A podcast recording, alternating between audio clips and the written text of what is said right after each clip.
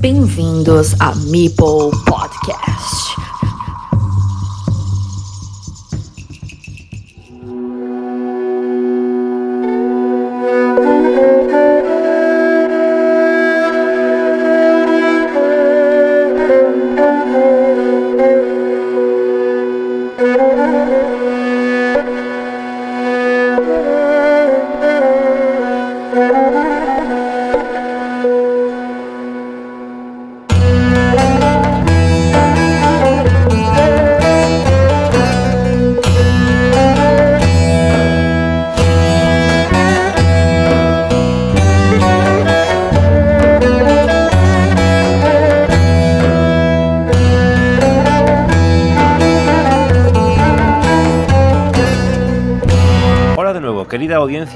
Podcast, hoy os traemos una nueva entrega del espacio El Rincón del Jugón, que es un contenido dedicado a otros juegos, desviándonos de la temática principal de este canal sonoro sobre Carcassonne.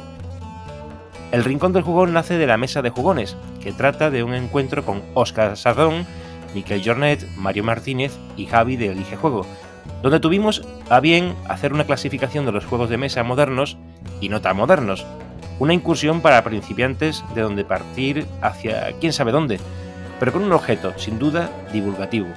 Esa mesa coloquio se dividió en dos grabaciones, la primera de las cuales se publicó en noviembre de 2022 y la segunda que se dividió a su vez en otros dos capítulos por su longitud y que se han publicado entre los meses de marzo y abril de 2023, para completar una serie de tres programas dedicados a este contenido. De ahí, como decía, nace la idea del Rincón del Jugón, como espacio fijo dentro de Mipel Podcast, donde tendrán cabida encuentros como el de hoy, donde la protagonista o el protagonista puede ser otro juego u otros juegos distinto de Carcassonne. En realidad este episodio que traemos a escena, aunque pretendí que fuera el que iniciara la saga, no es el que la estrena, definitivamente, pues antes incluso de que finalizara la mesa de jugones, ya se publicó el primer rincón del jugón, y fue con la entrevista express de Javi Rader en la BGA por su logro del primer campeonato nacional de Red Cathedral que le ha valido el billete al Mundial para el próximo mes de julio tras el Nacional de Catán y Carcassonne. Pero vamos al turrón. Hoy nos toca el Senet, el Ur y otros juegos egipcios en una proposición de temática radicalmente opuesta a los juegos modernos, diría los juegos antiguos o del antiguo Egipto.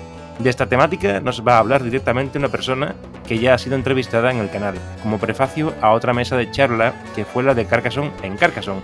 Hoy por hoy, uno de los capítulos que yo personalmente más he disfrutado de los más de 100 episodios emitidos. Y su entrevista no fue individual, sino con su pareja, José. Nuestra invitada de hoy es egiptóloga, y aunque ya sabía de estos juegos, se ha preparado y documentado con más ahínco para la ocasión, en una manifestación clara y evidente de dejar huella imborrable en mi Podcast. Pero ahora, antes de dar la bienvenida, quiero dar paso a nuestro fiel y buen amigo Héctor Madrona. ¿Qué tal, Héctor? Hola, buenas noches. Yo no sé cómo lo consigo, pero me he colado aquí. ¡Ostras, qué bueno, qué bueno! Hoy eres el convidado, aunque no de piedra. Bueno, haremos lo que pueda, lo que nos deje de sí. Bueno, creo que te debes de estar aquí, pero todo tiene su sentido. No solo porque te guste la temática, como a mí y a tanta gente, sino por algo más. Y al final del programa desvelaremos el porqué. Desiree, Gabay en BGA, ser bienvenida. Hola, buenas noches. Bueno, hoy tras esta pequeña alfombra roja, diría, que te he tendido en la presentación, debo decir que el micro está abierto para ti. ¿Cómo quieres que presentemos los juegos egipcios? ¿Un breve prólogo? ¿Una justificación, por ejemplo? Bueno, me voy a adelantar, porque hay que decir que de inicio este programa estaba motivado por el juego del Senet, pero a, raíz de tu proposición de hablar de más juegos del antiguo Egipto, le hemos cambiado el título y tengo que confesar que todo esto comenzó cuando en vuestra entrevista, a ti y a José, te preguntaba por el juego que aparecía en tu perfil de BGA. Creía que se trataba del ajedrez me explicaste que no, que, era el juego más antiguo conocido, el Senet. Y aquí me voló la cabeza. Primero por el desconocimiento sobre este juego y segundo por la novedad, para mí, de un juego más antiguo que el ajedrez. Porque claro, el ajedrez como tal diría ya puesto en materia que es más moderno que el Senet y data de los hindúes y musulmanes, pero proviene de un juego que se llamaba Chaturanga. Y he aquí mi ilusión histórica. Micro abierto, Desi. Pues, pues sí, a ver, yo te comento lo del Senet como el juego más antiguo del, juego de mesa más antiguo del mundo, pero ahí podría haber una pequeña lucha dentro de algunos juegos egipcios, por eso lo hemos ampliado a otros, para conocer un poquito más de ellos. Pues venga, vamos allá. Pues, pues a ver, os comento. Eh, claro, Cuando hablamos del antiguo Egipto, todo lo que sabemos de él es a raíz o bien de sus textos, textos jeroglíficos, o bien del registro arqueológico que ha quedado. Y con el tema de los juegos de mesa es difícil, porque por desgracia eh, nosotros los, entendemos como algo de, de uso lúdico, para disfrutarlos, jugamos simplemente porque nos gusta y pasar un buen rato. Pero claro, de lo que es uso doméstico de la vida cotidiana en el antiguo Egipto han quedado muy pocos restos. ¿Por qué? Pues porque mayoritariamente las ciudades, donde, las casas donde vivía la gente se construían de materiales perecederos como son el adobe, eh, ladrillos de, hechos de, de barro y paja. Y eso, con el paso del tiempo, miles de años que han pasado, se ha perdido. Además, los juegos estaban hechos normalmente de madera. La madera es un material muy perecedero. ¿Qué es lo que conocemos entonces de Egipto? Pues lo que ha quedado en las tumbas, porque las tumbas, a diferencia de las casas, sí que las construían en piedra. Y la piedra mantiene lo que hay dentro. Entonces, claro, vamos a hablar de juegos sobre todo por lo que sabemos de las tumbas. Y eso pues no se usaba para jugar, porque lo que se mete en una tumba en el antiguo Egipto es para disfrutarlo durante toda la vida en el más allá y es un poco raro, pero bueno, lo intentaremos. Estupendo. Por ejemplo, en, una. La, referencia más antigua escrita está en una tumba también. Y ahí es donde se nombran tres juegos. Se nombra el Men, el Senet y el Megen. Tres juegos.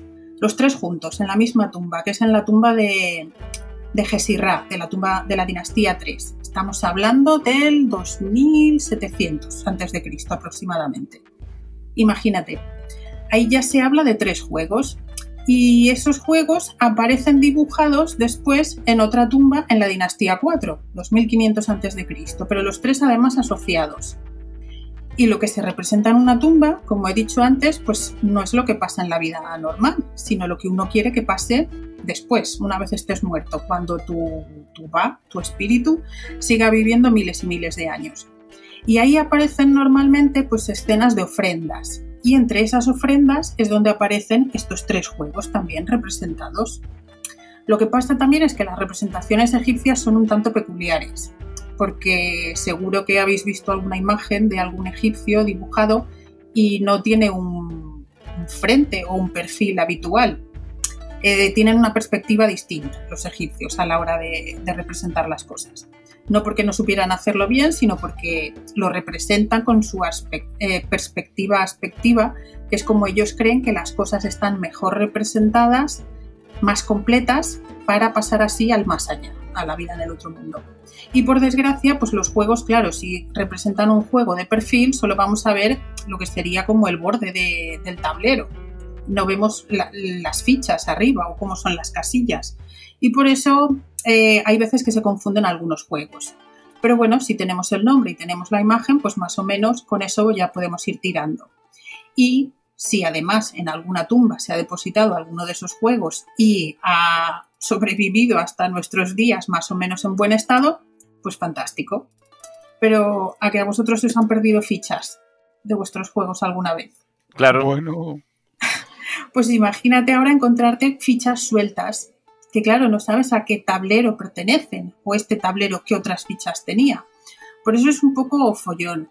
Y, menos mal, menos mal que en, la tumba de, de, Rajotep ahí aparecen eh, representados también cómo son estos juegos. Y vemos, por ejemplo, cuáles son las fichas del Senet o cuáles son las fichas del, del Megen pero no te explican las, las reglas. Y claro, el reglamento no ha llegado hasta nuestros días, ni ningún egipcio de aquella época que pueda explicárnoslos. Y ahí es donde pues algunos egiptólogos hace ya muchos años intentaron recrear con las fichas que se han encontrado, con las representaciones, intentaron recrear, basándose también en los jeroglíficos que aparecen en algunos tableros, el significado y la función de esos juegos. Y nos llevamos la sorpresa de que bueno, la mayoría son como un recorrido, son juegos de carrera. De todos los que vamos a hablar son todos para dos personas, salvo el Megen, que ahí pueden jugar hasta cuatro jugadores. En algún tablero creo que había fichas como para seis, pero el resto son de dos, uno contra uno. Y todos ellos son una carrera por ver quién llega antes al final del tablero con sus fichas. Y además, normalmente, el final del tablero significa el, el más allá, la vida eterna. Así que quien gana el juego ha ganado la vida eterna. ¿Cuáles serían los juegos para que la gente se sitúe eh, más o menos? Primero, aparte del Senet, que recibe el nombre que tenía antiguamente, supongo. El Mehen, yo creo que antes de empezar la entrevista me contabas que era el juego de la serpiente, ¿no? Sí, Mehen es el nombre de, un dios egipcio que es una serpiente. Es un dios del inframundo que tiene forma de serpiente con varias colas y la función principal de este dios es envolver al, a Ra, al dios Sol, en sus múltiples colas, protegerlo ahí de todos los peligros que acechan a Ra durante la noche. Entonces, Megen es el nombre de un dios con forma de serpiente y por lo tanto el juego Megen lleva el nombre de este dios porque es un tablero circular con forma de una serpiente enrollada, en, el cual se comenzaría a mover las fichas desde la cola, que normalmente la cola está siempre en el exterior, hasta la cabeza, que está en el centro del tablero. El problema del Megen, que de hecho es el juego más, eh, más popular al principio de la época faraónica, incluso en época predinástica. Ahí, época predinástica, nos estamos yendo al 3000 a.C., porque os había dicho antes las, las fuentes que nos han quedado escritas y representadas, pero como, como arqueología, como registro arqueológico, lo encontramos desde época predinástica, antes de la unificación de Egipto, o sea, antes del 3100. Incluso en algunas tumbas de la dinastía I de faraones ya se encuentra. Y, ese tablero, pues ahí lo que se pretende es llevar tus fichas que tienen forma de canicas, son bolitas de piedra redondas. Hay unas fichas preciosas con forma de león, un león tumbado, pero que desconocemos su función y tienen que llegar al centro para proteger al dios Ra y entonces pues tú te reúnes con, con él. O sea que si te reúnes con el sol volverás a nacer como cada día como hace el sol. Problema de ese juego, no hay instrucciones, no se ha encontrado ningún juego completo, eh, las, las, fichas pues aparecen sueltas, no se han encontrado dados asociados a él, cosa que es bastante rara, porque se supone que es un juego de carrera y claro, ¿cómo haces avanzar si no tienes un dado las, fichas? Los egipcios tampoco tenían dados como los nuestros, ¿vale? Esos, el dado de que es un cubo con seis caras, ese lo traen los romanos. Lo que tenían los egipcios como dados son unos palos planos. Bueno, plano por un lado y, y semicírculo por el otro. Entonces, según cómo caiga, pues puntúas. Pero bueno, en ese juego nos han encontrado, nos han encontrado dados, los palos estos. Así que hay algún egiptólogo que dice que sería seguramente un juego de estrategia. Pero ya os digo, ahí no, tenemos ningún registro escrito que nos diga cómo se jugaba. Y este del Megen, este del Megen era de, los cuatro jugadores, ¿no? Sí, este puede ser hasta cuatro jugadores y sí que sabemos que cada jugador llevaba seis canicas. Se distinguen los colores para que cada uno sepa cuáles son las suyas y el cuerpo de la serpiente puede, puede variar el número de casillas porque se ha encontrado uno que tenía hasta más de 400 casillas. El cuerpo de la serpiente se divide se, le hacen rayitas y se divide como en casillas, ¿no? Y algunos tienen hasta nueve espirales, o sea, la serpiente totalmente enrollada. Pero claro, para pasar de una a otra, pues ni idea de cómo se hacía. Eso, eso lo desconocemos.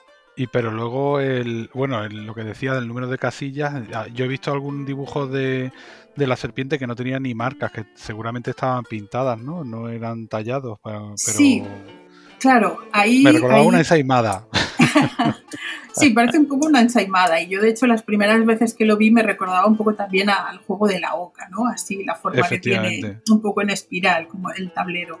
Ah, yo me quito la gafa, me echa un poquito de azúcar por y me lo como sin darme cuenta. Hombre, te, vas ¿eh? a romper los dientes, ¿eh? Porque la mayoría son de piedra dura. bueno, ya las muelas de juicio yo no tengo, me las quitaron hace poco, así que. Una menos. si me quita más muelas, entonces me quedo sin dientes ya. Pues, pues sí, es raro, porque claro, son hechos de piedra, pero lo que es la casilla en sí, digamos, no está eh, hundida, ¿no? no tiene una depresión como para colocar ahí bien la canica. Hay otros, de hecho, que incluso sobresale. Entonces es raro colocarla ahí. Y según el tablero, pues unos egiptólogos dicen que se hacía en, las rayitas que van definiendo como la espiral de, la serpiente y en otros eh, sí que hay algunas casillas pintadas, tienen restos como que estaban pintadas un poco más oscuro. O sea que a lo mejor había algún tipo de casilla especial, como en la oca, ¿no? De, oca a oca, o, o algo así, pero se desconoce. Y lo curioso de este juego es que al principio fue mucho más popular que el Senet, pero no es el que ha pasado a la posteridad de los juegos egipcios, porque, porque deja de usarse por un motivo religioso, seguramente. Y es que, claro, los egipcios creían que todo lo que está escrito o dibujado es mágico, sucederá. Entonces, cuando toda la religiosidad esta del, del mundo de los muertos, el viaje hacia el más allá y todos los peligros que el sol va a pasar durante las 12 horas nocturnas para poder volver a renacer cada día, cuando todo esto se populariza más, la gente empieza a conocer a esos dioses que ayudan a Ra y, todo ese mundo peligroso que algún día cuando mueran tendrán que pasar ellos también. Y claro, al entender eso y ver el tablero del Mejene separado por casillas, que la serpiente pues está hecha trocitos, digamos, dibujada, ¿no? Pero metafóricamente, eh, para ellos literalmente estás matando a la serpiente. Y esa serpiente no es una serpiente cualquiera, es el dios Megen. Entonces, para ellos el hacer esas incisiones separando casillas es como que estás cortando en trozos a un dios, lo estás matando. Y por eso se cree que se deja de usar. Y aparecen, lo que ha dicho Héctor, aparecen otros tableros, pero en los cuales de serpiente, pero en los cuales no hay casillas, está la serpiente entera, que seguramente esos son, son votivos, lo que se dice que es pues, un regalo a los dioses. Pero claro, ahí no puedes matar a la serpiente. Entonces, imaginaros, ¿no? Como que te prohíben jugar a un juego por un motivo religioso. Es curioso. Claro, pero esto no dejan de ser suposiciones, ¿no? Sí, sí, sí, son suposiciones, pero, pero sí que es cierto que en, esa, en el momento que se deja de usar o que aparece en los registros arqueológicos el Megen, es justamente cuando el Senet aparece mucho más, despunta y se convierte ya en el top 1 de los juegos egipcios. Y, es precisamente eso, cuando se conoce más al dios Megen y se ha, llegado a un momento religioso que llamamos la democratización del más allá. Cuando el más allá, la vida eterna que estaba antes solo destinada al faraón y la familia real y sus altos funcionarios, pues a partir de ese momento es cuando ya está a disposición de todo aquel que, que tenga dinero suficiente para costearse una tumba y todo lo necesario para, para ir al más allá. Pero claro, entonces ahí es cuando la gente ve eso de mm, este juego, aquí estoy, en este tablero estoy matando al dios Megen. Sí, dentro de la evolución, digamos, de, de la... Iba a decir la comunidad egipcia, como si tuviéramos la comunidad de, Carcassonne. Eh, dentro, de, dentro del mundo egipcio, dentro de esa evolución que sufre la, mm, la sociedad egipcia, digamos, ¿no? Supongo que los juegos también van evolucionando en función también de esa percepción que van teniendo de los juegos, que es lo que vas comentando. y es donde se potencia ya el, el SNES a continuación, ¿no? Claro, sí, porque ya os he dicho, en el registro donde aparecen eh, nombrados y representados los juegos en tumbas, aparecen los tres, Men, Megen y Senet. Del Men os puedo contar muy poquito, porque el, el Men es un juego del que solo tenemos un dibujo de cómo sería y es un, es un tablero rectangular con 16 divisiones para dos jugadores. En cada división es como una casilla rectangular, pero, pero no sabemos nada más porque los que se han encontrado, que son muy poquitos, estaban todos fragmentados y, y las fichas pues eran fichas cuadradas o cúbicas, pero solamente sabemos que había cinco para cada jugador, porque aparecen dibujadas. Y nada más de este juego, no, no se ha encontrado. O sea que no debió ser muy popular, porque si no, en el registro arqueológico, así como sí que se han encontrado muchos tableros de MGN y muchísimos de Senet, pues también aparecería este. El, el Men, ya os digo, se pierde pronto, no, no debió ser muy popular, no vendieron mucho. Se pronuncian casi iguales, Men y el otro es Mehen. Es una intercalada, pero la H se pronuncia como una J en. En, egipcio, sí. Mm. Exacto. ¿Y este eh, tiene algún nombre, digamos, españolizado o modernizado? No. ¿El Men? No. porque además, como tampoco se ha encontrado ningún tablero completo ni sabemos nada más de él, se queda con Men. Que de hecho, Men es un signo jeroglífico que, se escribe, eh, se escribe, entiéndeme, se dibuja, ¿no?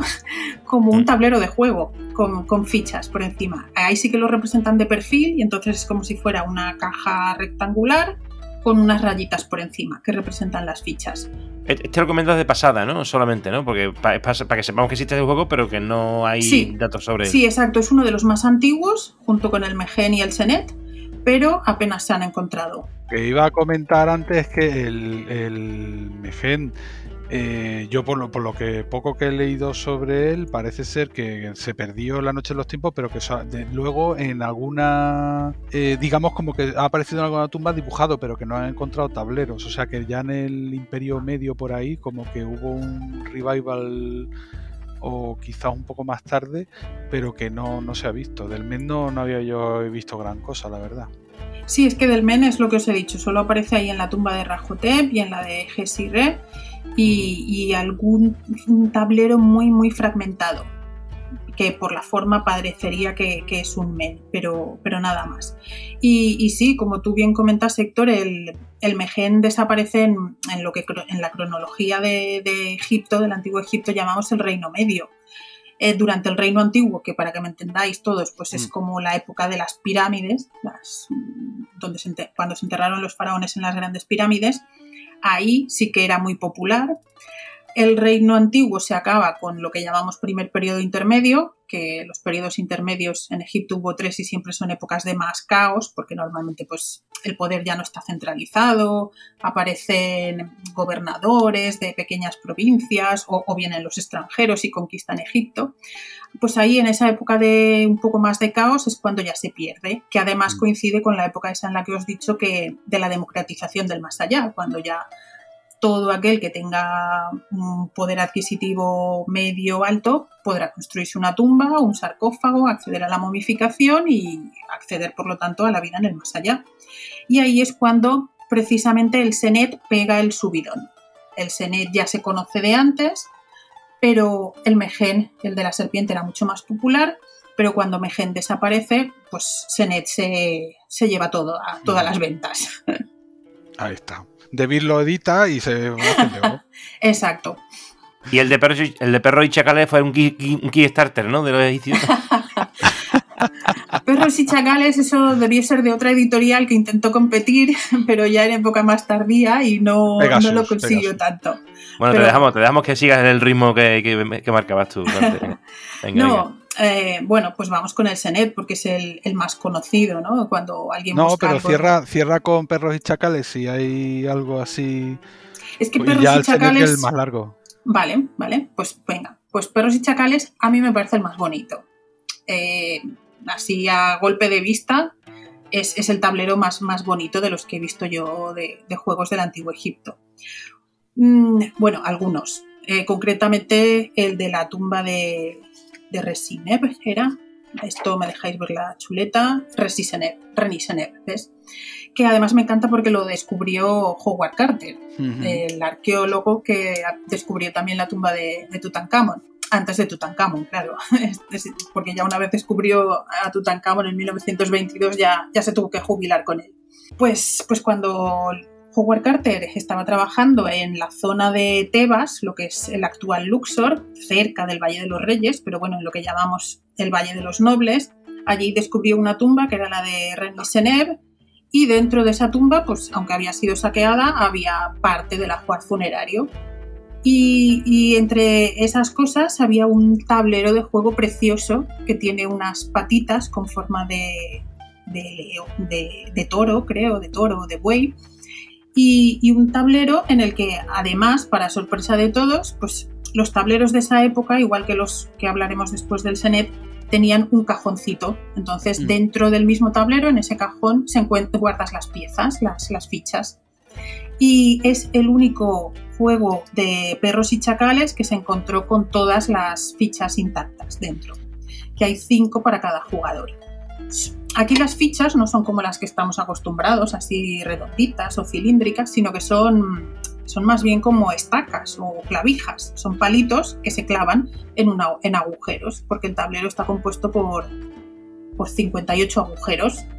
Y, y, bueno, pues cada jugador de los dos que pueden jugar lleva un juego de cinco clavijas de esas, cinco palitos con cabeza de chacal y el otro jugador pues llevará cinco palitos con cabeza de, de perro ¿Cómo se diferencian los perros y los chacales en Egipto? Pues a los perros los hacen con las orejas hacia abajo y a los chacales las orejas puntiagudas hacia arriba. Es curioso, ¿eh? Sí. Mm. Y luego le pondría color negro, ¿no? ¿Perdón? Lo- Los chacales siempre los ponen negros. Sí, los chacales siempre negros, pero en este juego aparecen blancos porque los palitos son de marfil. Entonces también qué pena pintar el marfil, ¿no? Me recuerda, oye, eh, esto de los pinchitos que hablas y de los agujeros Sí. al ajedrez para ciegos que se utiliza en- incluso en competición. Ah, porque tiene todas las figuras eh, iguales que el ajedrez normal, o sea, se pueden tocar y sabes cuál es cada una, pero para colocarlas, para que no se caigan, eh, cada centro de cada cuadradito lleva un agujerito Un agujerito. y cada pieza no se apoya tan simplemente como una pieza lisa de ajedrez que se coloca y ya está, sino que lleva un, eh, un pinchito y se mete dentro del agujero. Es curioso y me ha recordado esto a lo que acabas de comentar. Vamos, era, una- era un añadido que estaba haciendo aquí curioso. Yo he visto un ajedrez de chiquititos, sí, de, pero portátil de estos como de viaje que se abría y que tenía agujeritos y en vez de ser magnético, pues tenía ahí los el alfil, el alfil, lo que fuera, los peones tenían todos un palito debajo y se podían insertar. Curioso. Sí, esos son de viaje, para que no se caigan y se utilizan así. Pero vamos, lo del ajedrez de, para ciegos es un tablero normal con las piezas normales, igual Mm. de 40 por 40 o 50 por 50, solo que tienen un pedazo de pincho que lo colocas allí y no se mueve. Mm. O sea, es curioso. No, pero estas figuras, la de los chacales y las y los perros son como largos, como a lo mejor, no sé si a lo mejor 10 centímetros, ¿no? Algo así de alto y los pincha, Sí. pum, y son súper elegantes, son súper Sí, son preciosos. Son preciosos. Búscalo luego por internet, juego de Mm. perros y chacales y es, Y- es y luego los-. Los tableros tampoco tenían por qué ser cuadrados, podían ser un poco como con curva. O sea, yo he visto por ahí alguna foto y podían ser súper chulos. Sí, exacto. El, el que te comento este, el ejemplar de, de, Mm. de Renisenev, no tiene forma de, ¿cómo lo llamaban los egiptólogos? De, a ver, de cabeza de hacha. ¿Vale? Que es una especie de escudo, de como los escudos que llevaban los nubios, algo así. Y, y en el tablero hay dibujado una palmera. Y alrededor de la palmera es el recorrido que tienen que hacer los, los peones, los pinchitos estos, ¿no? De los perros y los chacales. Y a mí lo que me llama la atención es que no es interactivo, porque mm, cada, cada jugador tiene que hacer su propio recorrido. No, no va a interactuar con el otro ni le va a fastidiar ni nada de eso. Tú tienes que coger tus cinco perros o tus cinco chacales y aquí, claro, lo desconocemos en qué momento sale cada uno a- al, al tablero a jugar. Luego sí que sabemos cómo se mueven porque se lanzan dados, los palos esos que os había dicho. Lo que pasa es que no se han conservado dentro de ese juego, así que tampoco sabemos si eran dos, tres o cuatro palos, ni cuántos se tenían que tirar. Pero, pero bueno, pues tú vas moviendo tus cinco, tus cinco fichas hasta que las llevas a la casilla número 30, que es donde ya acaba. Que normalmente además en este juego está, y en, otros tableros está rodeada por un signo jeroglífico que es el Shen, que significa eternidad, protección. O sea que nuevamente estamos en contexto funerario, ¿no? Como que tú haces tu recorrido y al final tienes ganada la eternidad. Quiero añadir una cosilla de sí, Sí. y era que, que como este, estos temas son muy visuales y hace falta ver el tablero, lo hemos hablado antes de comenzar la, la charla, eh, o la exposición tuya en este caso, y quería, quería trasladarlo para que la, la gente cuando lo esté escuchando el audio pues lo, lo- lo- lo sepa. Vamos a hacer una entrada de- del blog que, tengo en la página web del de Carcassonne, eh, que yo utilizo el blog más que nada como apoyo visual para el podcast y no siempre hago una entrada, la hago cuando merece la pena. En este caso, vamos a hacer una entrada en el, en el blog con los, al menos con las fotos de cada uno de los juegos para que se vea y se pueda acompañar un poco para quien quiera verlo. Y al margen de eso, eh, mm, me comentabas que ibas a hacer algún artículo, tienes una página web, pues lo voy a enlazar también con tu trabajo para que la gente también pueda, pueda visualizarlo. Lo digo para que la gente lo sepa y así pues, pues ya también están enterados de que pueden verlo directamente en la propia página donde está el, el podcast. Sí, claro, porque si no estamos hablando de unos juegos que poca gente conoce y, claro, lo podemos describir muy bien, pero una imagen vale más que mil palabras siempre. Mm. Claro, y por facilitar un poco esa tarea, porque al, al final la gente puede meter el, equivocadamente el nombre o lo que sea, bueno, pues se facilita ya esa, ese acceso y después ya, si quiere ampliar información cada uno, pues allá, ¿no? Todo el mundo puede hacerlo. Sí, correcto. Muy bien. Pues bueno, continuando con los perros y chacales, ¿vale? Aparece en Egipto, pues eso, en el segundo milenio antes de Cristo, más o menos, sí, eh, Reino Nuevo. y, y al principio tiene esa forma que os he dicho, el tablero, así forma como de, escudo, o bueno, de cabeza de hacha lo llaman mejor, y, luego cambia totalmente. Y luego se vuelve como con forma de violín, así muy redondeado. Y, es bonito también. Lo, único que cambia, pues que hay algunos tableros en los que aparecen más, más agujeritos, como más casillas, pero, pero, parece que son para colocar mientras está esperando cada uno de tus, de tus fichas, de tus palitos a, salir al tablero para esperar ahí su turno, ¿no? Porque si no tendrías que tenerlo pues tumbado delante de ti, ahí esperando. Eh, Howard Carter se inventó unas normas para, este juego que son las que más o menos han perdurado a día de hoy, porque encontré hace poco que una editorial italiana lo, lo comercializaba como con el nombre de juego de la palmera que también se conoció así durante, durante algunos años en la antigüedad, porque ya os he dicho que algunos tableros tienen en el centro una, palmera dibujada. y, las normas que se utilizan son básicamente las, de, las que se inventó Howard Carter en su momento. Lo, que a mí no me gusta de esas, de esas reglas es que, por ejemplo, Carter dice que solo puede haber una ficha por cada jugador en el tablero a la vez, eh, con lo cual lo hace un poco más aburrido, ¿no? Porque la gracia del tablero está en que hay algunas casillas que están conectadas por una línea. Por ejemplo, de la casilla 6 va una línea a, la casilla 20. Eh, lo que significa pues, que si tú llegas a la casilla 6, pues como una oca, de oca a oca, me voy a la 20, con lo cual me ha ahorrado buena parte eh, del recorrido del tablero. Y si estoy en la casilla 20, si, bueno, si caigo en la casilla 20, pues pasaría lo mismo. Ahí retrocedo, ¿no? Mala suerte. Y lo mismo pasa con las casillas 8 y 10, que también están unidas por una línea. Pero claro, si solo tienes una ficha tú en tu recorrido del tablero, pues eh, digamos que la probabilidad es menor de, que caigas en esa casilla. En cambio, si tienes varias, pues la probabilidad va a ser mayor, porque a lo mejor te estás taponando y te ves obligado a mover justamente esa ficha a que caiga en esa casilla. Así que yo creo que esa es la única alteración que se le ha hecho actualmente a, las normas del juego inventadas por, Carter. Y, los dados, bueno, ahí pues se puede jugar con el tipo de dado que tú quieras. Los, cuando hablamos de juegos egipcios, lo más normal ahora pues es utilizar eso, los palos que os he dicho, o bien planos por un lado y semicirculares por el otro, o directamente cuando yo hago talleres escolares con niños y esto de juegos, pues lo que hacemos es coger palos de polo, planos por los dos lados y pintas cada lado de un color diferente o le haces mm. algún motivo que lo diferencie. Y entonces así sabes, pues si sale por el lado rojo, un punto. Como tiro tres palos, ¿no? Pues entonces si salen dos rojos, dos puntos. Si salen tres rojos, mm, tres puntos. Si no sale ningún rojo, eso equivaldría a cinco puntos. Y así es como se juega. Y luego el, tema del de cero bueno, el cero caras de color rojo que sea cinco o seis eh, casillas. Vamos, lo, el que valga 5 o 6, ¿eso depende del juego? Eh, claro, en el juego de los perros y chacales, yo lo que he visto es que normalmente ahora se usan tres, palos. Pero ya te digo, por, por, convención, vamos, porque alguien se lo inventó en su momento y pues ah, ya va bien. En el Senet sí que se usan cuatro, ahí sí que sabemos que son cuatro.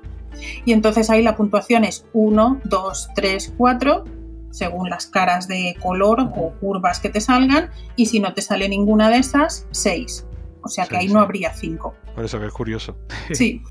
Oye, compartí hace cuestión de unos meses en la comunidad eh, unos meses gratis en Podimo, y que es una plataforma también de podcasting, y resulta de que, bueno, ponían ahí eh, una serie de seis capítulos, más un avance que tenían de un minuto o dos minutos, que era de Javier Sierra, que además la vocaliza él directamente, la narra él junto con otras dos personas, El regreso de Tutankamón. Y la verdad que eh, fue súper divertido escucharlo porque es un podcast profesional, son, es una narración profesional de una historia que se inventan alrededor de, esto y es muy, muy chula, la verdad, con sus eh, efectos sonoros y todo esto. No sé si ya estáis a, oírlo alguno de vosotros.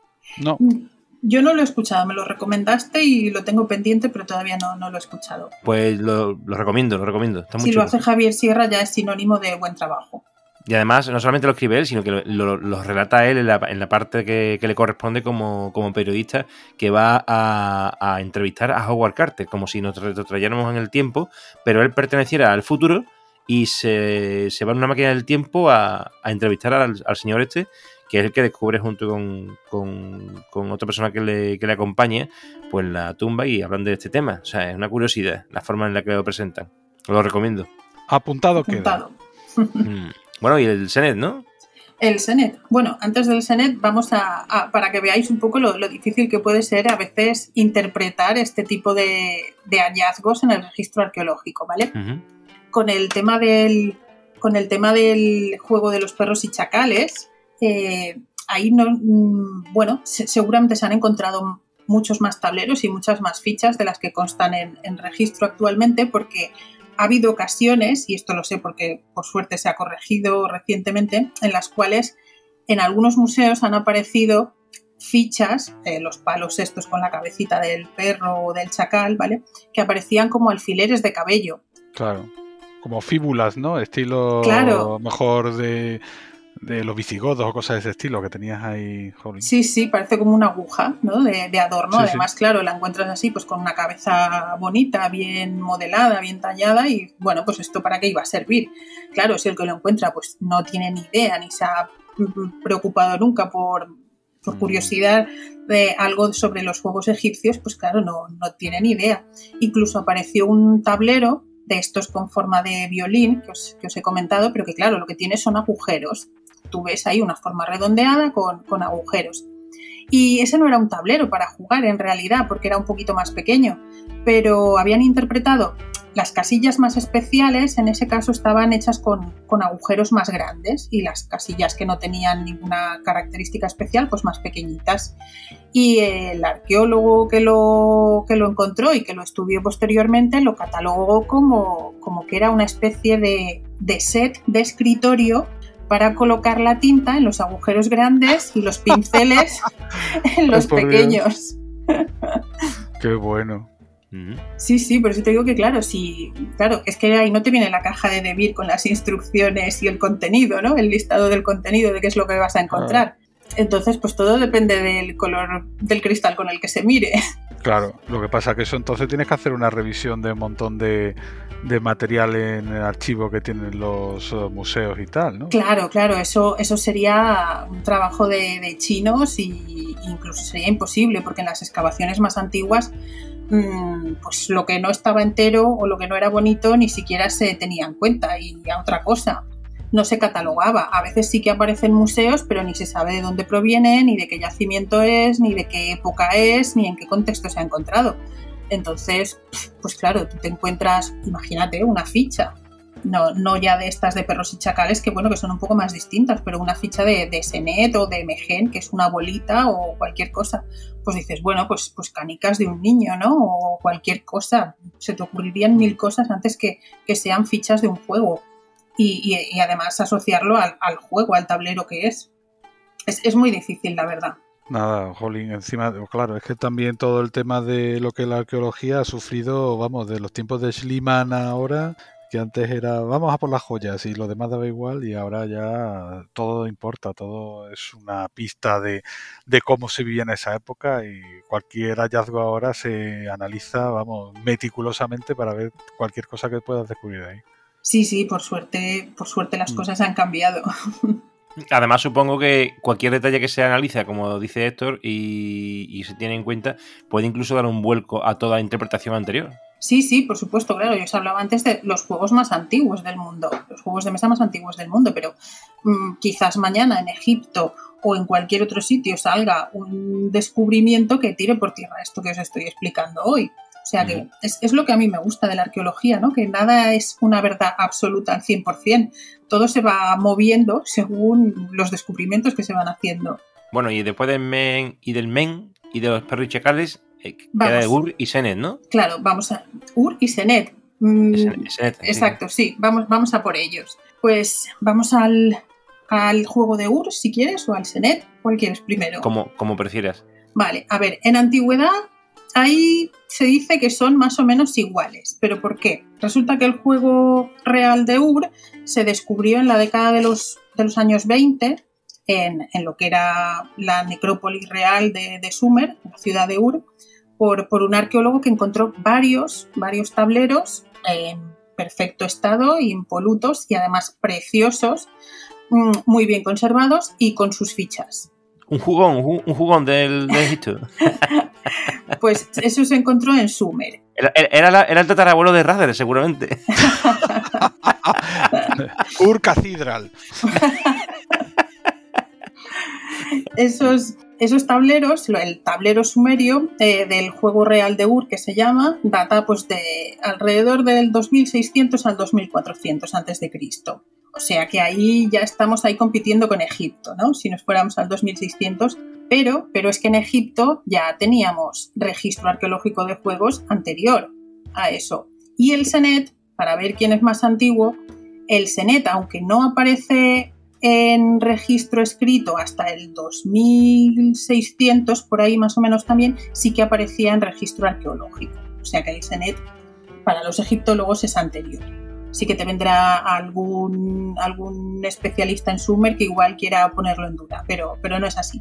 Y el juego real de Ur aparece también en Egipto. Lo que pasa es que no aparece a la vez que, que está datado este de, de Sumer, evidentemente, sino que es después pues, por las caravanas comerciales y las rutas que había de intercambio cuando va pasando por toda la zona del Levante, por el Mediterráneo, hasta llegar a, a Egipto. Y aparece en Egipto en el Reino Nuevo, en lo que sería más o menos la época de Tutankamón, para que me entendáis, cuando los faraones ya no se entierran en pirámides, sino que se entierran en el, en el Valle de los Reyes. Y aparece siempre, además, siempre que aparece el juego real de, de Ur en Egipto, aparece junto con el Senet. Y ahora me diréis, ¿pero cómo que junto? Pues sí, porque ahí ya fueron un poco más, más prácticos los egipcios y dijeron, vamos a hacer en un dos en uno. Igual que yo de pequeña tenía un parchís, que por un lado era el parchís y por el otro era la oca, Lo mismo. y me valían las mismas fichas y los mismos dados y los mismos cubiletes para jugar a ambos juegos, pues los egipcios hicieron lo mismo. Es una caja de madera de forma rectangular con su cajoncito, igual que los perros y chacales. ¿eh? Aquí vienen los cajoncitos estos fantásticos, donde se guardan dentro dos juegos de fichas, de cinco fichas, y los dados, los palos, ¿eh? lo llamo dados, pero son los palos esos. Y por un lado del tablero tenemos el Senet y por el otro está el juego de Ur, pero, pero no exactamente como el que se encuentra en Ur. Porque cuando el, el juego de Ur, que os he dicho que se encontró allá por el ter- en el tercer milenio antes de Cristo, pues en el segundo milenio allí evoluciona en Sumer de otra forma y pasa a Egipto con, con un tablero distinto. Sigue teniendo el mismo número de casillas, pero dispuestas de otra forma. Esto de que tiene dos juegos juntos, esto es el, el- el precedente de juegos reunidos, ¿no? Algo así, algo así. O la oca y el parchís que os había dicho. No había tantos juegos para hacer variedad. No sabía yo que, que este fue, digamos, el precedente de que ahora muchos juegos, desde hace ya muchos años, evidentemente, pues traen el cajoncito típico para guardar las fichas. Es que ya existía en el antiguo Egipto esto, no se ha inventado ahora. Claro, es que supongo pues que les pasaría como nos pasa a nosotros, ¿no? Que a veces pierdes un dado o al cabo de un tiempo dices, levantas el sofá y dices, ostras, y esta ficha que hay aquí, ¿esto de qué juego es, no? ¿De dónde ha salido esto? Correcto, correcto. Pues, pues lo mismo pasó. Entonces, claro, es mucho más práctico tener en una misma caja de madera, madera, fallenza, eh, marfil, luego ya podemos hablar de distintos materiales si queréis, pero bueno, tener en, un- en una misma pieza el cajoncito donde guardas las fichas y luego por un lado pues juegas a un juego y cuando te cansas le das la vuelta y juegas al otro. Y, y el juego real de Ur en Egipto, claro, le, no conocemos el nombre exacto, pero bueno, por el nombre que se cree que se le conoce es como el juego de las 20 casillas, el juego de 20, porque tiene 20 casillas dispuestas de forma distinta al de Ur, al tablero de Ur, pero bueno, se juega de la misma forma. Y además aparecen también eh, unas casillas especiales donde lo que se dibuja es una roseta, que la roseta no es un motivo egipcio, es un motivo que viene de Mesopotamia. Por eso sabemos que es un juego heredado, ¿no? Eh, que ha llegado a los de Alemania. Exacto, importado. y, y bueno, pues esas rosetas que aparecen cada cuatro casillas, creo que es, sí, son casillas especiales que, que bueno, pues hay un, un arqueólogo, el, el conservador del Museo Británico que lleva toda la parte de Sumer, de, de niño, le encantaba ir al Museo Británico y se hizo una copia del juego real de Ur porque le encantaba.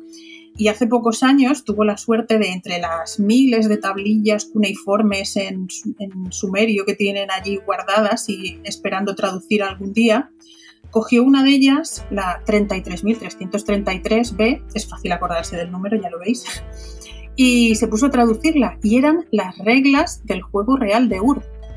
O sea que ellos sí que han tenido suerte y sí que tienen el, el manual, el reglamento. Vaya. Lo que pasa es que es un reglamento escrito casi 2000 años después a, cuando se encontró el tablero, a la época del tablero del juego real de Ur. Con lo cual, bueno, pues es un juego que tuvo una trayectoria muy larga, ya lo vemos también en Egipto, incluso fue, llegó hasta allí y los egipcios lo adoptaron y lo cambiaron un poco, lo diseñaron a su, a su gusto, pero, pero la esencia del juego es la misma también. Y ahí, ahí sí que hay interacción entre los jugadores ese ya tiene un poco más de chicha, ya es de los que me gustan más a mí, ¿no? De ir a fastidiar al contrario. Persecución. Es, más carca, es más carcasón que Catán, ¿no? Este... Eh, sí, exacto. Aunque en Catán también puedes fastidiar. sí, sí, sí. Sí, pero bueno, pues la gracia es esa, ¿no? Que el juego real de Ur aparece también en Egipto como el juego de las, de las 20 casillas. Pero esos nombres de las 20 casillas, 58 casillas y tal, ¿es el juego el nombre que le daban los egipcios o es el nombre que luego le dieron los arqueólogos al, al, para ponerle a, algún tipo de denominación? Vale, pues antes con el juego de los perros y chacales es el juego que, se le, que le han dado los arqueólogos porque no hemos encontrado ningún, eh, ningún dato que nos diga el nombre del juego. En el caso del juego de las 20, mmm, sí que hay un papiro de época posterior, pero en el que el único papiro que yo conozco donde se nombran algunos juegos, y hay un dibujo de, un juego muy curioso que es el juego de las 31. Y te dice que el juego de las 31 es la unión de dos juegos de 20. Con lo cual, además, si miras el tablero, aquí nos remitimos otra vez a esas imágenes que os pasaremos bien en el articulito, bien en el, en el blog, eh, donde, donde ves que es como si dobláramos el como si pusiéramos en un espejo el, el tablero del juego de 20, el egipcio, eh, pero quitándole alguna casilla más. Y entonces en vez de 20 y 20, que serían 40, pues lo reducen a 31. Pero es como mirado en un espejo. Y así, pues claro, se complica un poco más. Y si ahí te dicen que es la unión de dos juegos de 20, pues entonces ya nos da a entender que al juego del que viene este se le llamaba juego de 20. Uh -huh. Uh -huh. O sea que, bueno, también eran prácticos los egipcios, porque juego de 20, pues ¿por qué? Porque tiene 20 casillas, fácil. Y además, como ese no lo inventaron ellos, pues bueno, pues lo llaman así. Vamos, que al final el tablero de Ur, no sé si lo has comentado, pero vamos, estoy mirando una foto, yo había visto alguna foto de esta antigua, he vuelto a encontrar esto, que es como si fuera una matriz de 8 por 3 pero que le faltan justamente dos casillas, o sea que tienes como por los laterales tienes cuatro, dos, un hueco de dos y otra de dos, o sea que, que, parece como una botella con un tapón, más o menos. Exacto. Sí, se, se parece mucho al tablero del Senet, porque el tablero del Senet son 30 casillas sí. en total, divididas en tres filas de 10 casillas. Es fácil. Pues el de Ur pues el de Ur es muy parecido, solo como que si le quitaras algunas de las casillas de la línea superior y la línea inferior. Y los egipcios lo que hacen al convertirlo en el, en el juego de 20 es que sí. eh, la cabecita esa que era el grupo de, de 6, que has dicho tú, de 3x2, pues ese lo quitan y lo convierten todo en, en un... Sí. Sería el cuerpo de 12, 4x3. Ah, y lo dejan como Y le si añaden fuera luego así. en la fila Vale. central 7. 20. 7 no, 8, perdón, claro, 8 más 12 son 20. Y, y ellos también lo llaman, en algunos sitios Sí, parece como sí. que lo llaman cabeza y cola. Porque así es como si fuera el grupo de 12, pues sería como una cabeza y la cola, el, la parte esa larga. Este de las 31 casillas, eh, la imagen es como si fuera una pajarita, porque al fin y al cabo, por la parte de donde se estrecha, es la, la recta eh, de casillas que se le hace hasta que quedan 31, porque al fin y al cabo son 20 y 20, es Exacto. un- son 40, 10 por 4, pero en el centro se estrechan y eso que parece una pajarita la imagen, o, o parecido, Sí, sí, sí, sí, en el centro te quedan 7, que es lo que el nudo de la corbata, Y- de la pajarita. Exacto. Sí, pero de, de ese juego, por ejemplo, solo conocemos el dibujo de ese papiro. O sea, la, la- la- esa era la, la Big Box. Es el, la unión de, de dos juegos de 20, o, o juego de 31, como lo llamaban. Sí, por eso que ya veis que no se, no se calentaban mucho con los nombres de los juegos.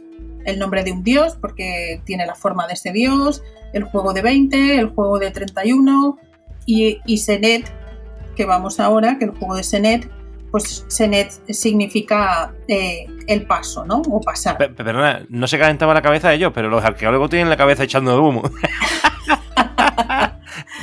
Sí, sí, ahí sí. Mm, ¿Qué, qué le vamos a hacer? Pero bueno, tiene, tiene su gracia. El paso entonces, ¿no, Senet? Sí, el paso o, o pasar. ¿Y por qué le ponen ese nombre? Pues bueno, porque tienes que hacer pasar todas tus fichas a lo largo de esas 30 casillas. Eh, a mí lo que me parece curioso del tablero es que la, la disposición, no, perdón, la orientación, ¿vale? Del recorrido que tienes que hacer, que es como haciendo una S. No, no empiezas por un lado y en la segunda fila vuelves a empezar por el mismo, sino que haces así como un recorrido sinusoidal y, y cuando las sacas, tus fichas, cuando llegan a la casilla 20, pues has pasado. ¿Has pasado a dónde? A, al- al- a la Duat, al más allá, al, al mundo de la vida eterna. Curioso esto de la religión, esta o la idea de, de la, de más allá de ello, ¿eh? Sí, sí, sí, no, siempre está presente. Además, tener en cuenta eso, que estos juegos, la gran mayoría de los que os estoy hablando, lo que conocemos es por ámbito funerario. ¿Que existían en ámbito de la vida cotidiana? Seguro. Lo que pasa es que, claro, pues no, no se han conservado, porque además pues eran de madera o, o de otros materiales mm, perecederos, como os, os hablaré después, pues claro, todo eso se ha perdido.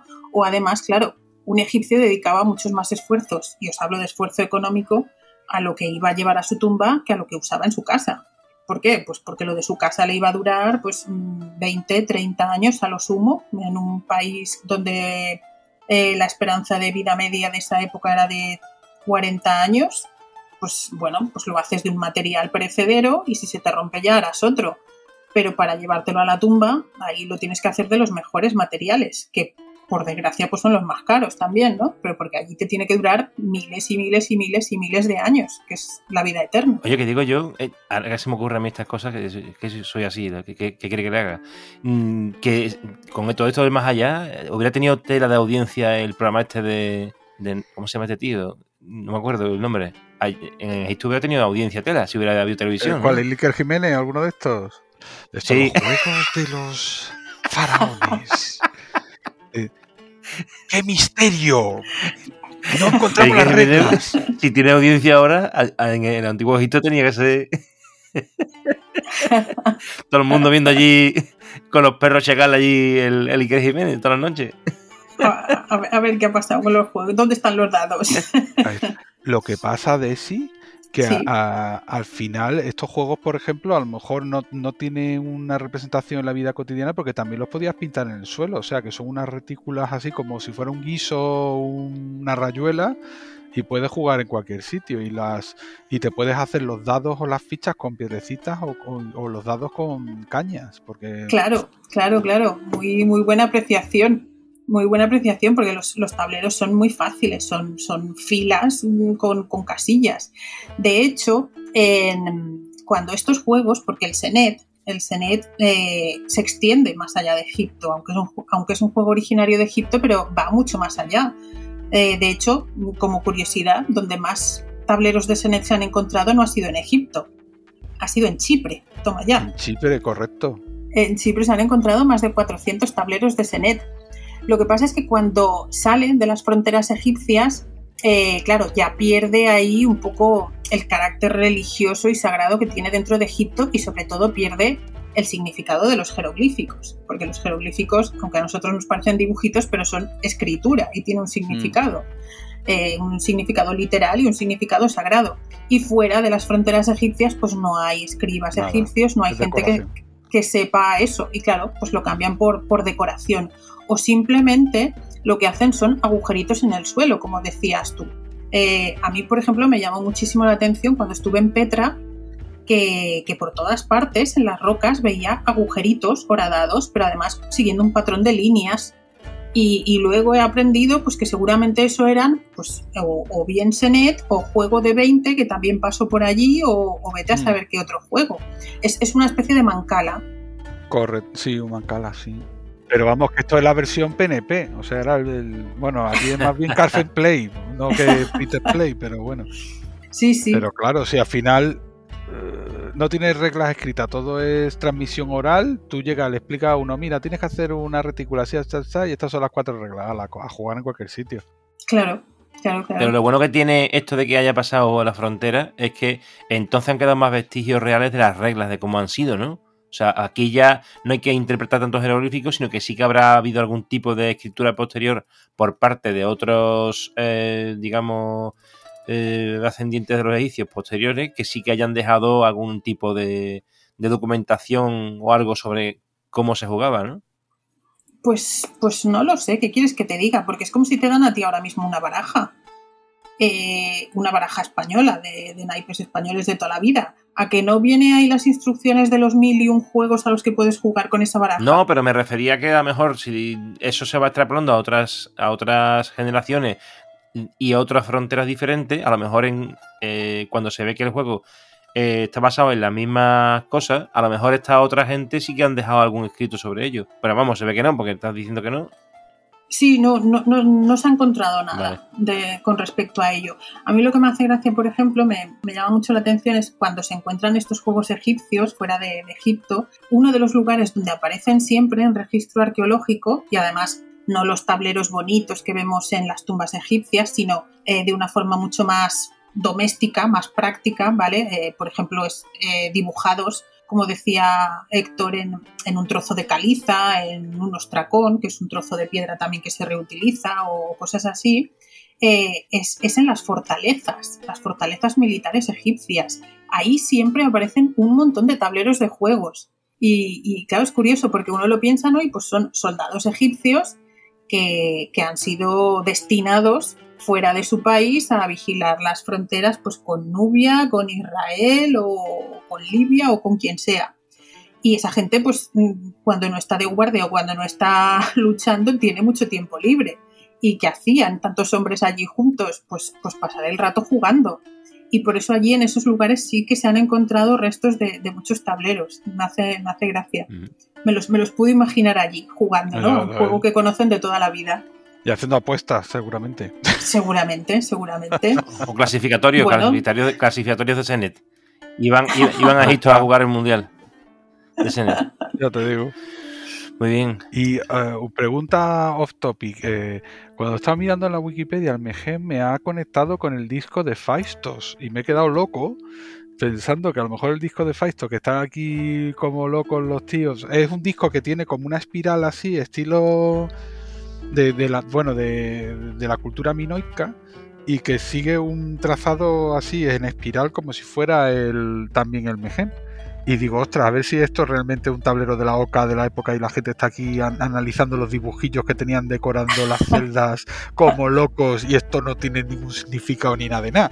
Hay que, no, el símbolo tal está una vez y otro está 17 veces. Entonces, pues no sé, la verdad, si esto, a lo mejor tanto historia con el linear A y el linear B y todos los lenguajes sí. de estos cretenses y a lo mejor esto es un bluff atómico.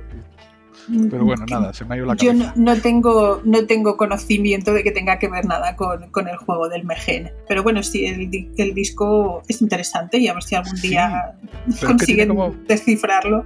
Claro, tienen una caja aquí con varios símbolos y están ahí como locos y a lo mejor es simplemente pues como la decoración de la oca. Pero nada, que sigan, que sigan, pobrecitos. Sí, sí, bueno, ahí, ahí está. Bueno, ¿alguna cosa más del Sene entonces? Sí, sí, claro, si tienes que explicar otro juego. Claro, claro. El, el Senet es, la, es el juego más jugado durante la historia del antiguo Egipto. Eh, tiene más de dos milenios de, de recorrido. O sea que imagínate, ni, ni Carcasón soñará. Ni con ajedrez eso. ni nada. oye, oye. bueno, a saber lo que se va a llevar eh, Joaquín a la tumba. y, pues, pues claro, el, el Senet eh, con tanto tiempo pues también tuvo sus, sus variantes, ¿no? Y, por ejemplo, a mí me ha resultado bastante curioso porque, bueno, pues me he dedicado últimamente así, me gustaba el juego y a ver qué, qué juegos, qué tableros podía recopilar por ahí. Y me daba cuenta de que unos eran distintos a otros. Y, claro, para mí el que tenía yo siempre en mente era uno precioso encontrado en la tumba de Tutankamón. Que Tutankamón, pues, se llevó a su tumba no uno, sino cuatro. Cuatro cajas de las que os he explicado, de estas que por un lado tienen el Senet y por el otro el juego de los 20. Era uh, Wi- Willem Camón. Willem Camón. Más o menos. Pues, pues claro, yo siempre tenía en mente eh, los tableros de Tutankamón con sus dibujos de jeroglíficos en las casillas, en tal casilla, en la otra. Y, y luego me encontré otros tableros que tenían otros dibujos distintos en, en- en esas casillas y en otras. Y decía, ¿y aquí qué pasa, no? El que se lo ha inventado, el que ha hecho este o qué. Y no, no, resulta que es que, claro, eh, fue variando. Y, por ejemplo, en la época del Reino Antiguo, en la época de las pirámides, allá por el 2500 antes de Cristo, para situarnos, eh, ahí solo se dibujaban las últimas casillas. De las tres filas que he dicho que tiene el Senet, si empezamos, se empieza por la fila de arriba y empezaríamos el recorrido de, de izquierda a derecha. En la segunda fila, la casilla 11 sería la que está justo debajo de la 10, o sea que ahí ya pasaríamos a hacer el recorrido en sentido inverso, de, de derecha a izquierda. Y para la última fila lo haríamos eh, como en la primera, de izquierda a derecha, o sea que acabaríamos por la casilla de la esquina inferior derecha, que sería la 30. Pues en ese tablero solo se, solo se dibujan, se decoran, vamos, son especiales las cinco últimas casillas. En la, en la 26, se- por ejemplo, ahí se dibuja siempre un nefer, aunque en muchos tableros más que un nefer parece el símbolo actual que se usa para la mujer, el circulito este con la cruz. ¿Sabéis cuál os digo, no? Sí, sí, sí. Vale. Pero vamos, pues- que parece como un laúd, así un poco más Sí, alargado. que- exacto. Sí, debería ser un poco más alargado, que no es un laúd, sino que sería una laringe Sí. vista por los egipcios, pero vale, ese es el signo nefer, que significa bueno, bonito. O sea que en esa casilla no te va a pasar nada malo, ¿no? Podría ser como un seguro. En la de al lado, en la 27, tendríamos una X. Eh, La X suele ser mala, ¿vale? Eso sería también como un peligro. Eh, en la 28 tendríamos tres rayitas, que eso te indica que para salir necesitas un 3. En la 29 tendríamos dos rayitas, te indica que para salir necesitas un 2. Y en la 30 no se dibuja nada normalmente. Y en Reino, en reino Medio, eh, que es la época que sigue al Reino Antiguo, encontramos el mismo tablero, pero que el sentido ha cambiado totalmente. En vez de empezar por arriba, empezaríamos por abajo. Y en vez de empezar por la izquierda, empezaríamos por la derecha. O sea que cambia el sentido. Empezaríamos por la fila de abajo, de derecha a izquierda, la del centro sería de izquierda a derecha y la de arriba, que sería la última, pues ahora sería de derecha a izquierda. Y los signos sí que son los mismos, pero claro, en vez de encontrarlos ahora en la parte inferior derecha, estarían en la parte superior izquierda.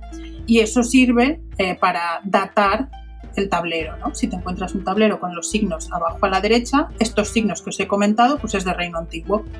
Si los tiene arriba a la izquierda, pues es de reino medio. Y en Reino Nuevo vuelve a cambiar. La orientación vuelve a ser como la de Reino Antiguo, pero ahí ya sí que se eh, detallan mucho más las casillas. De hecho, también aparece la casilla 15 dibujada, la, la del centro, de la casilla central también, donde suele aparecer la llave de la vida, el Ang, acompañado de, de un par de cetros guas, que eso es protección total también. En la 26 eh, 26 o 25 era. 26, el En la 26, exacto, en vez de un nefer aparecen tres, que eso simplemente es más mejor. De si antes uno era bueno y bonito, pues tres, tres para los egipcios en jeroglíficos es el plural, entonces es pues ya súper requete guay. La X cambia a ser tres rayas eh, eh, en zigzag, como tres líneas de montañitas, una encima de otra, que eso es el, el agua, o sea, te caes ahí como el pozo de la oca, ¿no? Y te ahogas en el agua, pues para los egipcios si te caes ahí, que eso era lo malo, es que te has ahogado. Y si te ahogas, según las creencias egipcias, tu cuerpo no va a ser recuperado. Si tu cuerpo no es recuperado, no puede ser momificado. Si tu cuerpo no puede ser momificado, no va a recibir sepultura. Y si no tienes una tumba con todo tu ajuar funerario al que pueda volver luego tu espíritu cada día, pues se siente mucho, pero te has quedado sin más allá. O sea que esa, esa, es la casilla mala, ¿no? Y las casillas donde teníamos las tres rayitas o las dos rayitas, pues eh, cambian a, jeroglíficos y tenemos tres, tres aves que son el, el Bau, el, espíritu este del que os hablo, o en vez de las dos rayitas, pues dos hombres. Sería, bueno, pues, pero indican lo mismo, el, significado es el mismo, solo que está más detallado, más bonito. Y, y del Senet aparte, pues os puedo explicar que sabemos un poco más, no, no tenemos el reglamento, como ya os he explicado, por desgracia, pero sí que sabemos un poco de su, su significado funerario, porque aparece en textos funerarios. El, seguro que os sonará el libro de los muertos egipcio. Sí. Pues el libro de los muertos no deja de ser una especie de libro de instrucciones de lo que ha de hacer tu espíritu, tu va, una vez estés muerto, para pasar, para sortear con éxito eh, todos los peligros que tiene que pasar durante las 12 horas de la noche para volver a renacer cada mañana con el sol y ver la luz del día. Bueno, pues en, el libro de los muertos tenemos lo que llamamos spells. ahí utilizamos la palabra inglesa, pero bueno, son como capítulos. Y el capítulo 17 del libro de los muertos hace referencia al Senet, porque en él se describe al Ba, que es ese espíritu tuyo que tiene forma de, de pajarito con cabeza humana, que está jugando al Senet en un pabellón. Y ahí recuerda esto del pabellón, Joaquín, porque ahora volverá y, permite, en ese pabellón, digamos que se permite el paso entre la tierra de los vivos y los muertos, ¿no? Mientras estás jugando ahí al Senet, como hacías cuando vivías.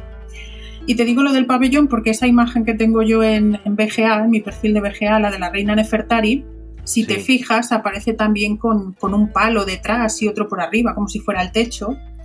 Eso, esos elementos arquitectónicos nos indican que ahí la reina Nefertari está en un pabellón. O sea que esa imagen, cuando yo la veo en una tumba, ya sea la reina Nefertari o cualquier otro propietario, eh, me indica que es, esa es una imagen de, es el capítulo 17 del libro de los muertos y que ahí está el difunto jugando al, al Senet para que su alma pueda renacer cada mañana. Sí que tenemos también escenas reales de juego, eh, sin el pabellón este, o sea que no está jugando un muerto, está jugando un vivo. Y lo sabemos porque ahí no aparecen esos elementos arquitectónicos del pabellón. Y a veces incluso aparecen dos personas, uno jugando eh, con, la otra. Lo que pasa es que en, el juego del Senet, eh, si, tenéis uno, Joaquín sé que sí que tiene, yo también. Imagínate, Joaquín, que nos ponemos a jugar ahora tú y yo al Senet. ¿En qué lado del Senet nos colocaríamos? El Senet tiene forma rectangular. ¿En el lado corto o en el lado más, más largo te colocarías? Entiendo que en el lado más largo, ¿no? Claro, yo también me colocaría en el lado más largo, frente a ti, ¿no? Porque nos resultaría más cómodo, porque ahí vislumbras más parte del, del camino, del recorrido que tienes que hacer. Pero claro, si un egipcio nos lo representa así, por lo que os había explicado de las características peculiares de la perspectiva que hacen ellos, entonces eh, no vamos a ver bien el tablero, porque solo veríamos el lado corto. Entonces lo que hacen los egipcios es que en las representaciones representan a la persona, ya sea vivo o muerto, da igual, eh, de, perfil, digamos, así de lateral, y el, y el juego a su lado, pero la persona está en el lado corto. Y esa no es la postura eh, real para jugar, porque lo sabemos porque en las fortalezas estas que os he dicho sí que se han encontrado a veces incluso grandes losas de gran volumen y gran peso eh, con el tablero del Senet allí dibujado y están colocadas de forma perpendicular a la pared, con el lado corto pegando a la pared, de la forma que decíamos tú y yo que nos sentaríamos a jugar al Senet. Tú te colocarías en el lado largo y yo frente a ti en el otro lado largo pero en las representaciones no lo hacen así, porque si no, no aparece eh, la totalidad como ellos perciben el, juego. ¿vale? O sea que eso es curioso. Eh, lo que pues pasa es que yo he visto algunos, algunos jeroglíficos, algunas representaciones en las cuales al principio aparecían dos jugadores sentados en el lado corto, en el mismo lado corto, pero luego lo que tú dices, que al final luego salen muchos en el Imperio Nuevo y tal, por ejemplo en Nefertari solamente aparece ella, o sea que realmente ahí está representando más un juego en dentro del contexto del libro de los muertos, de Ella, ella jugando, su alma jugando, digamos, por llegar a la, no sé, al, a, trascender allá a la vida eterna o lo que sea. Correcto, correcto. Pero claro, es eso que os decía, que todas estas imágenes de las que estamos hablando se encuentran dentro de tumbas. Entonces ahí no te muestran la realidad de cómo jugaban ellos. eh, te muestran lo que quieren que suceda siempre. Entonces, pues bueno, pues se representa a la señora Nefertari como buena reina y esposa preferida de Ramsés II, eh, bien vestida, bien guapa y colocada ahí delante de su tablero, pero evidentemente tendría que estar jugando contra alguien, eso para empezar. Y, el tablero debería estar colocado en la otra posición. Pero por eso ellos lo representan de una forma que no es la, real. Pero por suerte, por suerte, en, en tumbas del reino antiguo, en las escenas donde se, donde se hacen ofrendas al difunto, que ahí ya no es como el difunto quiere pasar al más allá, como estas imágenes del libro de los muertos, sino los regalos que se le hacen al difunto y las fiestas que se celebran eh, en su honor, fiestas funerarias, sí que aparece el Senet. y ahí eh, lo mismo, vuelven a aparecer sentados en el lado corto, pero para que se vea simplemente la totalidad del juego, ¿no? Digamos, el, el, lado característico de él, y sí que vemos a uno frente a otro, con lo cual ahí sí que están jugando. Y además esas escenas, que son poquitas, y, algunas, por suerte, vienen acompañadas de texto, siempre son palabras, eh, frases muy cortitas en plan de eh, te voy a ganar tus cinco. ¿Cinco por qué? Pues porque en el Senet al principio de todo había siete fichas para cada jugador, pero luego se estandariza a cinco para cada uno. Igual que hemos visto en el juego de 20, ¿vale? que eran cinco para cada uno. Así, acordaros, se, reaprovechan el mismo equipamiento de fichas para los dos juegos. Pero bueno, pues son frases así de te voy a ganar tus cinco o voy a pasar yo, ¿no? En el Senet, como el juego ya significa pasar. O sea que voy a ser yo el que va, el que va a ganar. Y a mí lo que me parece muy curioso es que en esos en ese contexto funerario incluso son escenas de, divertimiento, pero asociadas a, música, a baile y a, y a, bebida alcohólica, a cerveza. En las aparecen también como te explica que es las fiestas en celebración a la diosa Hathor, que es una diosa eh, asociada a la música, al baile, el amor, pero también es de contexto funerario y de renacimiento. Y, en esas fiestas se bebía alcohol, pues igual que ahora, ¿no? ¿Y, qué se hacía? Se jugaba y se lo pasaban bien. Y, y, ahí aparece el Senet. O sea que aunque sí que es de ámbito funerario, puesto porque representa un camino con sus peligros hacia el más allá, pero era un juego al que jugaban ellos de forma lúdica para pasárselo bien. Yo está lo mismo, la idea que me viene es que esto que estamos viendo al final son la, el Instagram de los egipcios para de cara al rito funerario. Total, ¿eh? posando ahí, pipí, pero que nada relacionado con la realidad. Estoy mirando la imagen de Jato, de perdón, de, mm, de Nefertari aquí, que seguramente es la misma que tú aludías.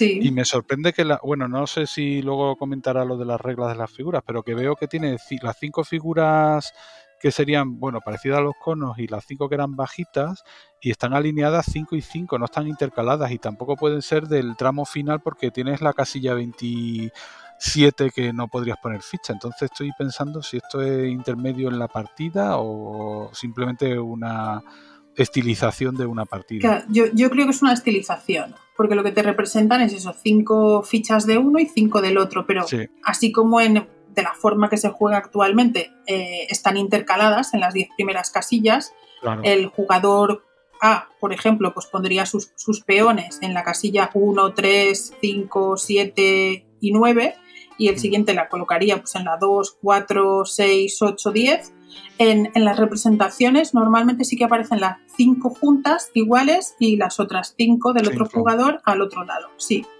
Yo creo que a lo mejor es que quien estaba dibujando eso ni siquiera sabía lo que tenía que representar. Y ya te digo, no representan una realidad, sino que representan una idealización.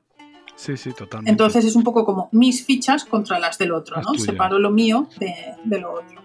Una cosita, ¿se podría jugar online a estos juegos a día de hoy? Con las reglas que se hayan establecido de, manera moderna. Por ejemplo, el Senet sí sé, porque me lo dijiste y lo he mirado, que se puede jugar incluso en la Board Game Arena. Sí. Pero otros juegos se puede. ¿Hay alguna página web que te saque a reducir estos juegos de alguna manera? Pues aparte del Senet, la verdad es que los otros no los he buscado de forma, de forma online. Sí que se podría, supongo, al de, al de los perros y chacales, porque además ahí no hay mucha no hay interacción entre los jugadores. Se podría también al del juego de las, de las 20 Y, el Megen es que ahí se desconocen las reglas por completo. Ese habría que inventárselo totalmente. No, nosotros cuando trabajaba en el Museo Egipcio de Barcelona, con los más pequeños a veces sí que hacíamos el tablero del Megen porque les llamaba más la atención pero nos lo inventábamos totalmente. Les explicábamos lo que era, pero bueno, ahí sí que les decíamos de, bueno, pues vamos a hacerlo un poco como una oca, ¿no? Que es lo que más conocían ellos. Y entonces pues hacíamos de esta casilla pasas a la otra y tal, así en, en la, en, en, la espiral de la serpiente, pero, pero totalmente inventado. O sea que bueno, sí, claro, si te inventas las normas puedes hacer lo que quieras. Bueno, pero entonces tenemos el UR, el, el perro de chacales y el SENE que sí que se podrían implementar. Sí, sí, sí, eso sí. A lo mejor existen y no lo sabemos. Mm, eh, podría ser. Podría ser. Sen bueno, Senet sí pues, que se puede, pero los otros lo, lo, desconozco. De, de, hecho, en la BGA está, así que podéis jugar. ¿eh? La, todo lo que nos escuchen, podéis meter ahí la palabra Senet en BGA y podéis echar una partidita. Pues nada, ya sabes, para el nacional, ala, todos con el Senet debajo del brazo. ¿Qué? ¿Alguna cosita más? Pues no sé, sí. decidme vosotros. Sí, del. A ver, venga. Bueno, del Senet quieres contar las reglas de cómo van los dados y la casilla 15, la 27, esas cositas. Vale. vale, no, no, creía que quisierais tanto detalle, pero bueno, vamos allá. Sí.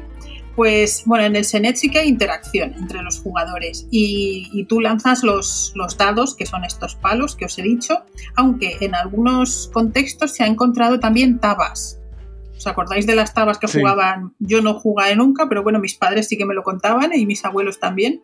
Las tabas son esos pequeños huesos ¿no? de animal que, que, por cada una de sus cuatro caras son distintos y entonces sirven, sirven pues también como contador, ¿no? De, pues, si cae por este lado es un punto, si cae por este otro serán dos, y si cae por este nada, o algo así.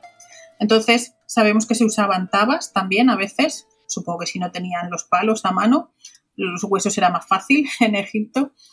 Y, y bueno, pues se lanzan los dados y tú tienes que mover una de tus cinco fichas.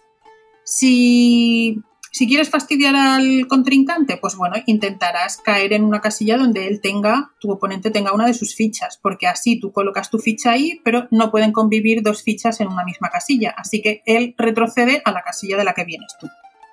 Ahí ya estamos fastidiando un poco.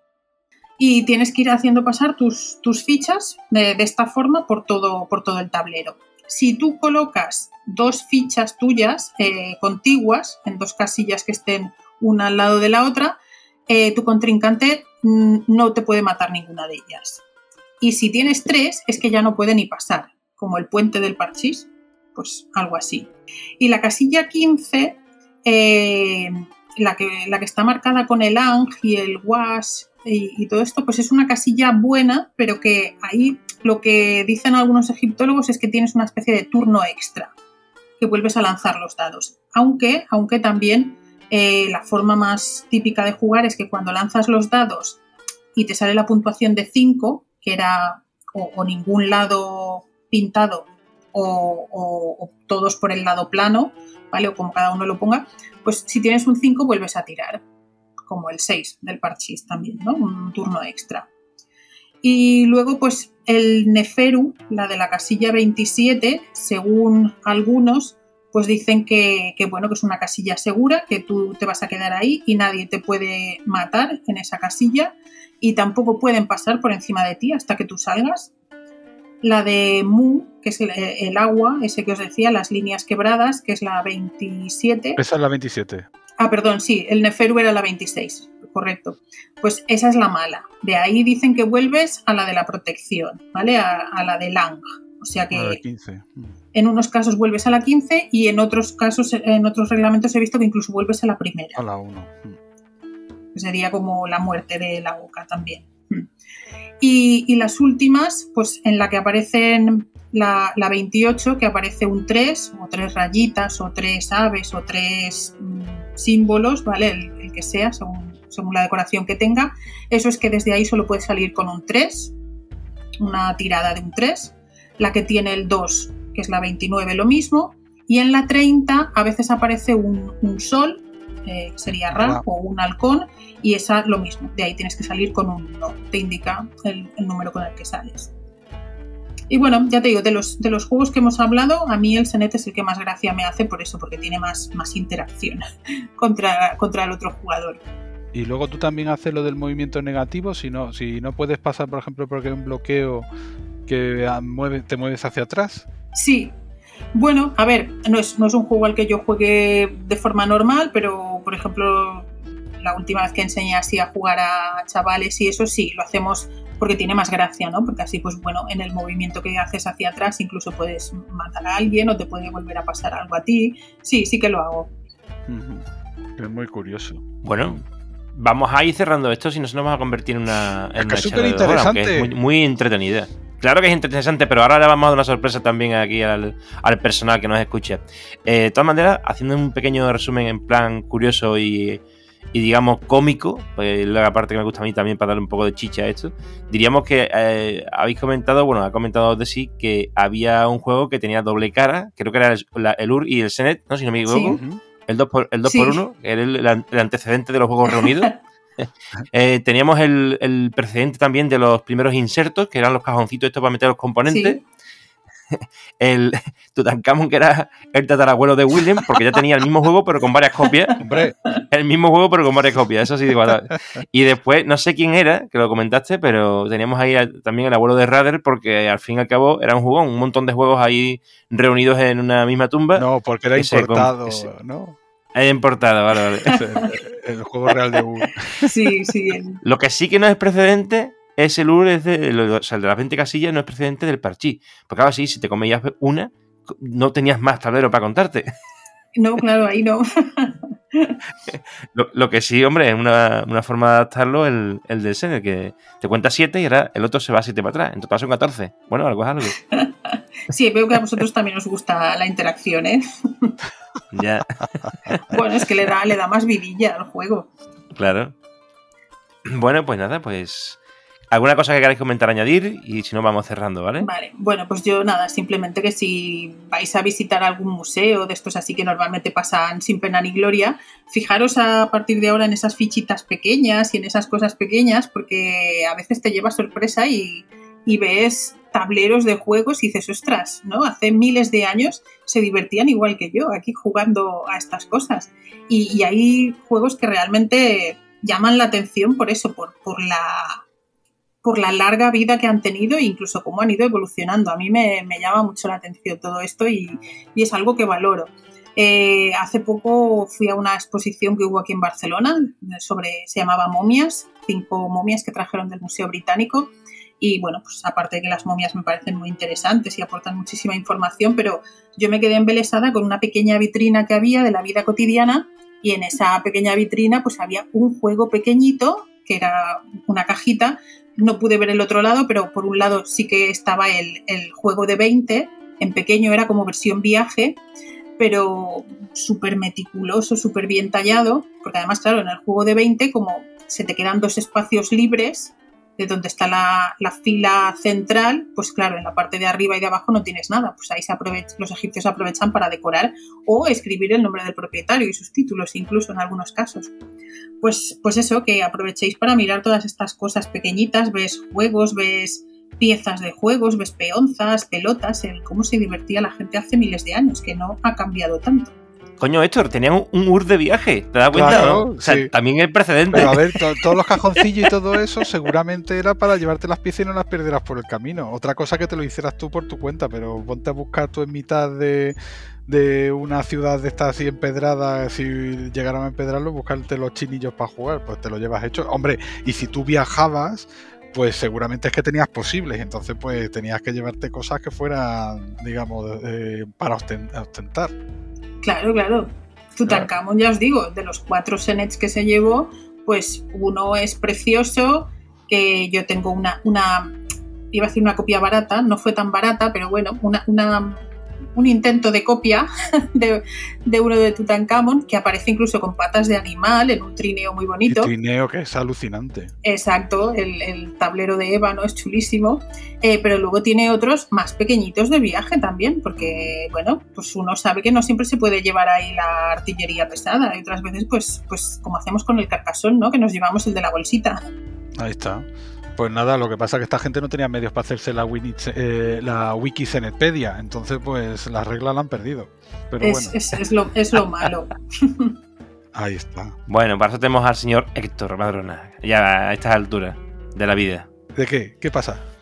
¿Dónde? Bueno, que puedes hacerte una tú. No sé yo, ¿eh? No tengo materiales aquí para hacerme cosas, no tengo fichas. Pero nada, pero esto te lo haces con un cartoncillo y lo metes dentro del carcasón de viaje o de, de la lata del carcasón para dos. Sí, A mí me sorprende que hace 5.000 años ya esta gente, o 4.000 o 3.000, ya, ya se habían inventado la mitad, la mitad de las cosas que nosotros hacemos hoy. O sea, que claro, lo que pasa. está curioso, ¿eh? A ver, estos hombres vivirían poco, pero tenían todas las horas del día para inventar cualquier cosa. Y obviamente, eh, imagínate tú, ¿no? Egipcios que tenían una sociedad bastante sofisticada, tendrían especializaciones de todos colores y, y obviamente los entretenimientos pues también serían acordes, ¿no? Otra cosa que, bueno, po- vamos, porque tú me dices a mí los conocimientos de matemática, de astronomía y eso que tenía, hombre, los tendrían ahí enredados con rollos religiosos, pero que, vamos, que igual que los griegos observaban la naturaleza y aprendían un montón de ella. O sea que, Bueno, pues vamos a cerrar antes de que lleguen los 90 minutos. ahí va. Y, y antes de acabar este bonito e interesantísimo programa, veamos qué sorpresa nos tiene preparada Héctor, el oráculo carcasoniano, respecto del rincón de Mipeldron y en consonancia con nuestra invitada de hoy. Queridos amigos, escuchen lo que tiene que decir Héctor. Bueno, yo estoy ahí intentando engañar a, a Desi para tener un monográfico que no tiene nada que ver con el tema de, de Carcassonne, sino para mm, hablar un poco de Egipto, viajes a Egipto y un poco de todos los temas estos, pero salimos por la tangente total. Desi, ¿tú qué opinas? Pues, pues que yo me dejo liar fácil, ya lo sabéis. Aquí me No sé, hoy. pero este tema a ti te interesa, tú, tú a ti lo del Egipto y la egiptología Yo y eso? Egipto, uff, no sé, me pilla un poco lejos, ¿eh? Pues nada, pues a ver qué se nos ocurre, no sé. No sé, al- algo inventaremos. Sin problema, cuando queráis. Tendremos un rincón de Mipeldron de Egipto. Pues nada, pues muchísimas gracias, Desi, por aceptar el reto de Pepsi. Y nada, no hablamos. ¿Me, en- me va a tocar el avión? Eh, pues no lo sé. eh, al Mega XP a jugar al Senet, yo qué sé, cualquier cosa. Muy bien, bueno, pues nos despedimos aquí y ahora y os agradezco vuestra presencia, en especial a ti, Desiree, por ser la protagonista sin duda de este espacio. Bueno, gracias a vosotros por invitarme y, y dejarme compartir con vosotros esta afición que tengo yo. Muy bien, y a ti siempre, Héctor, por ser como eres y estar siempre a disposición de- del canal.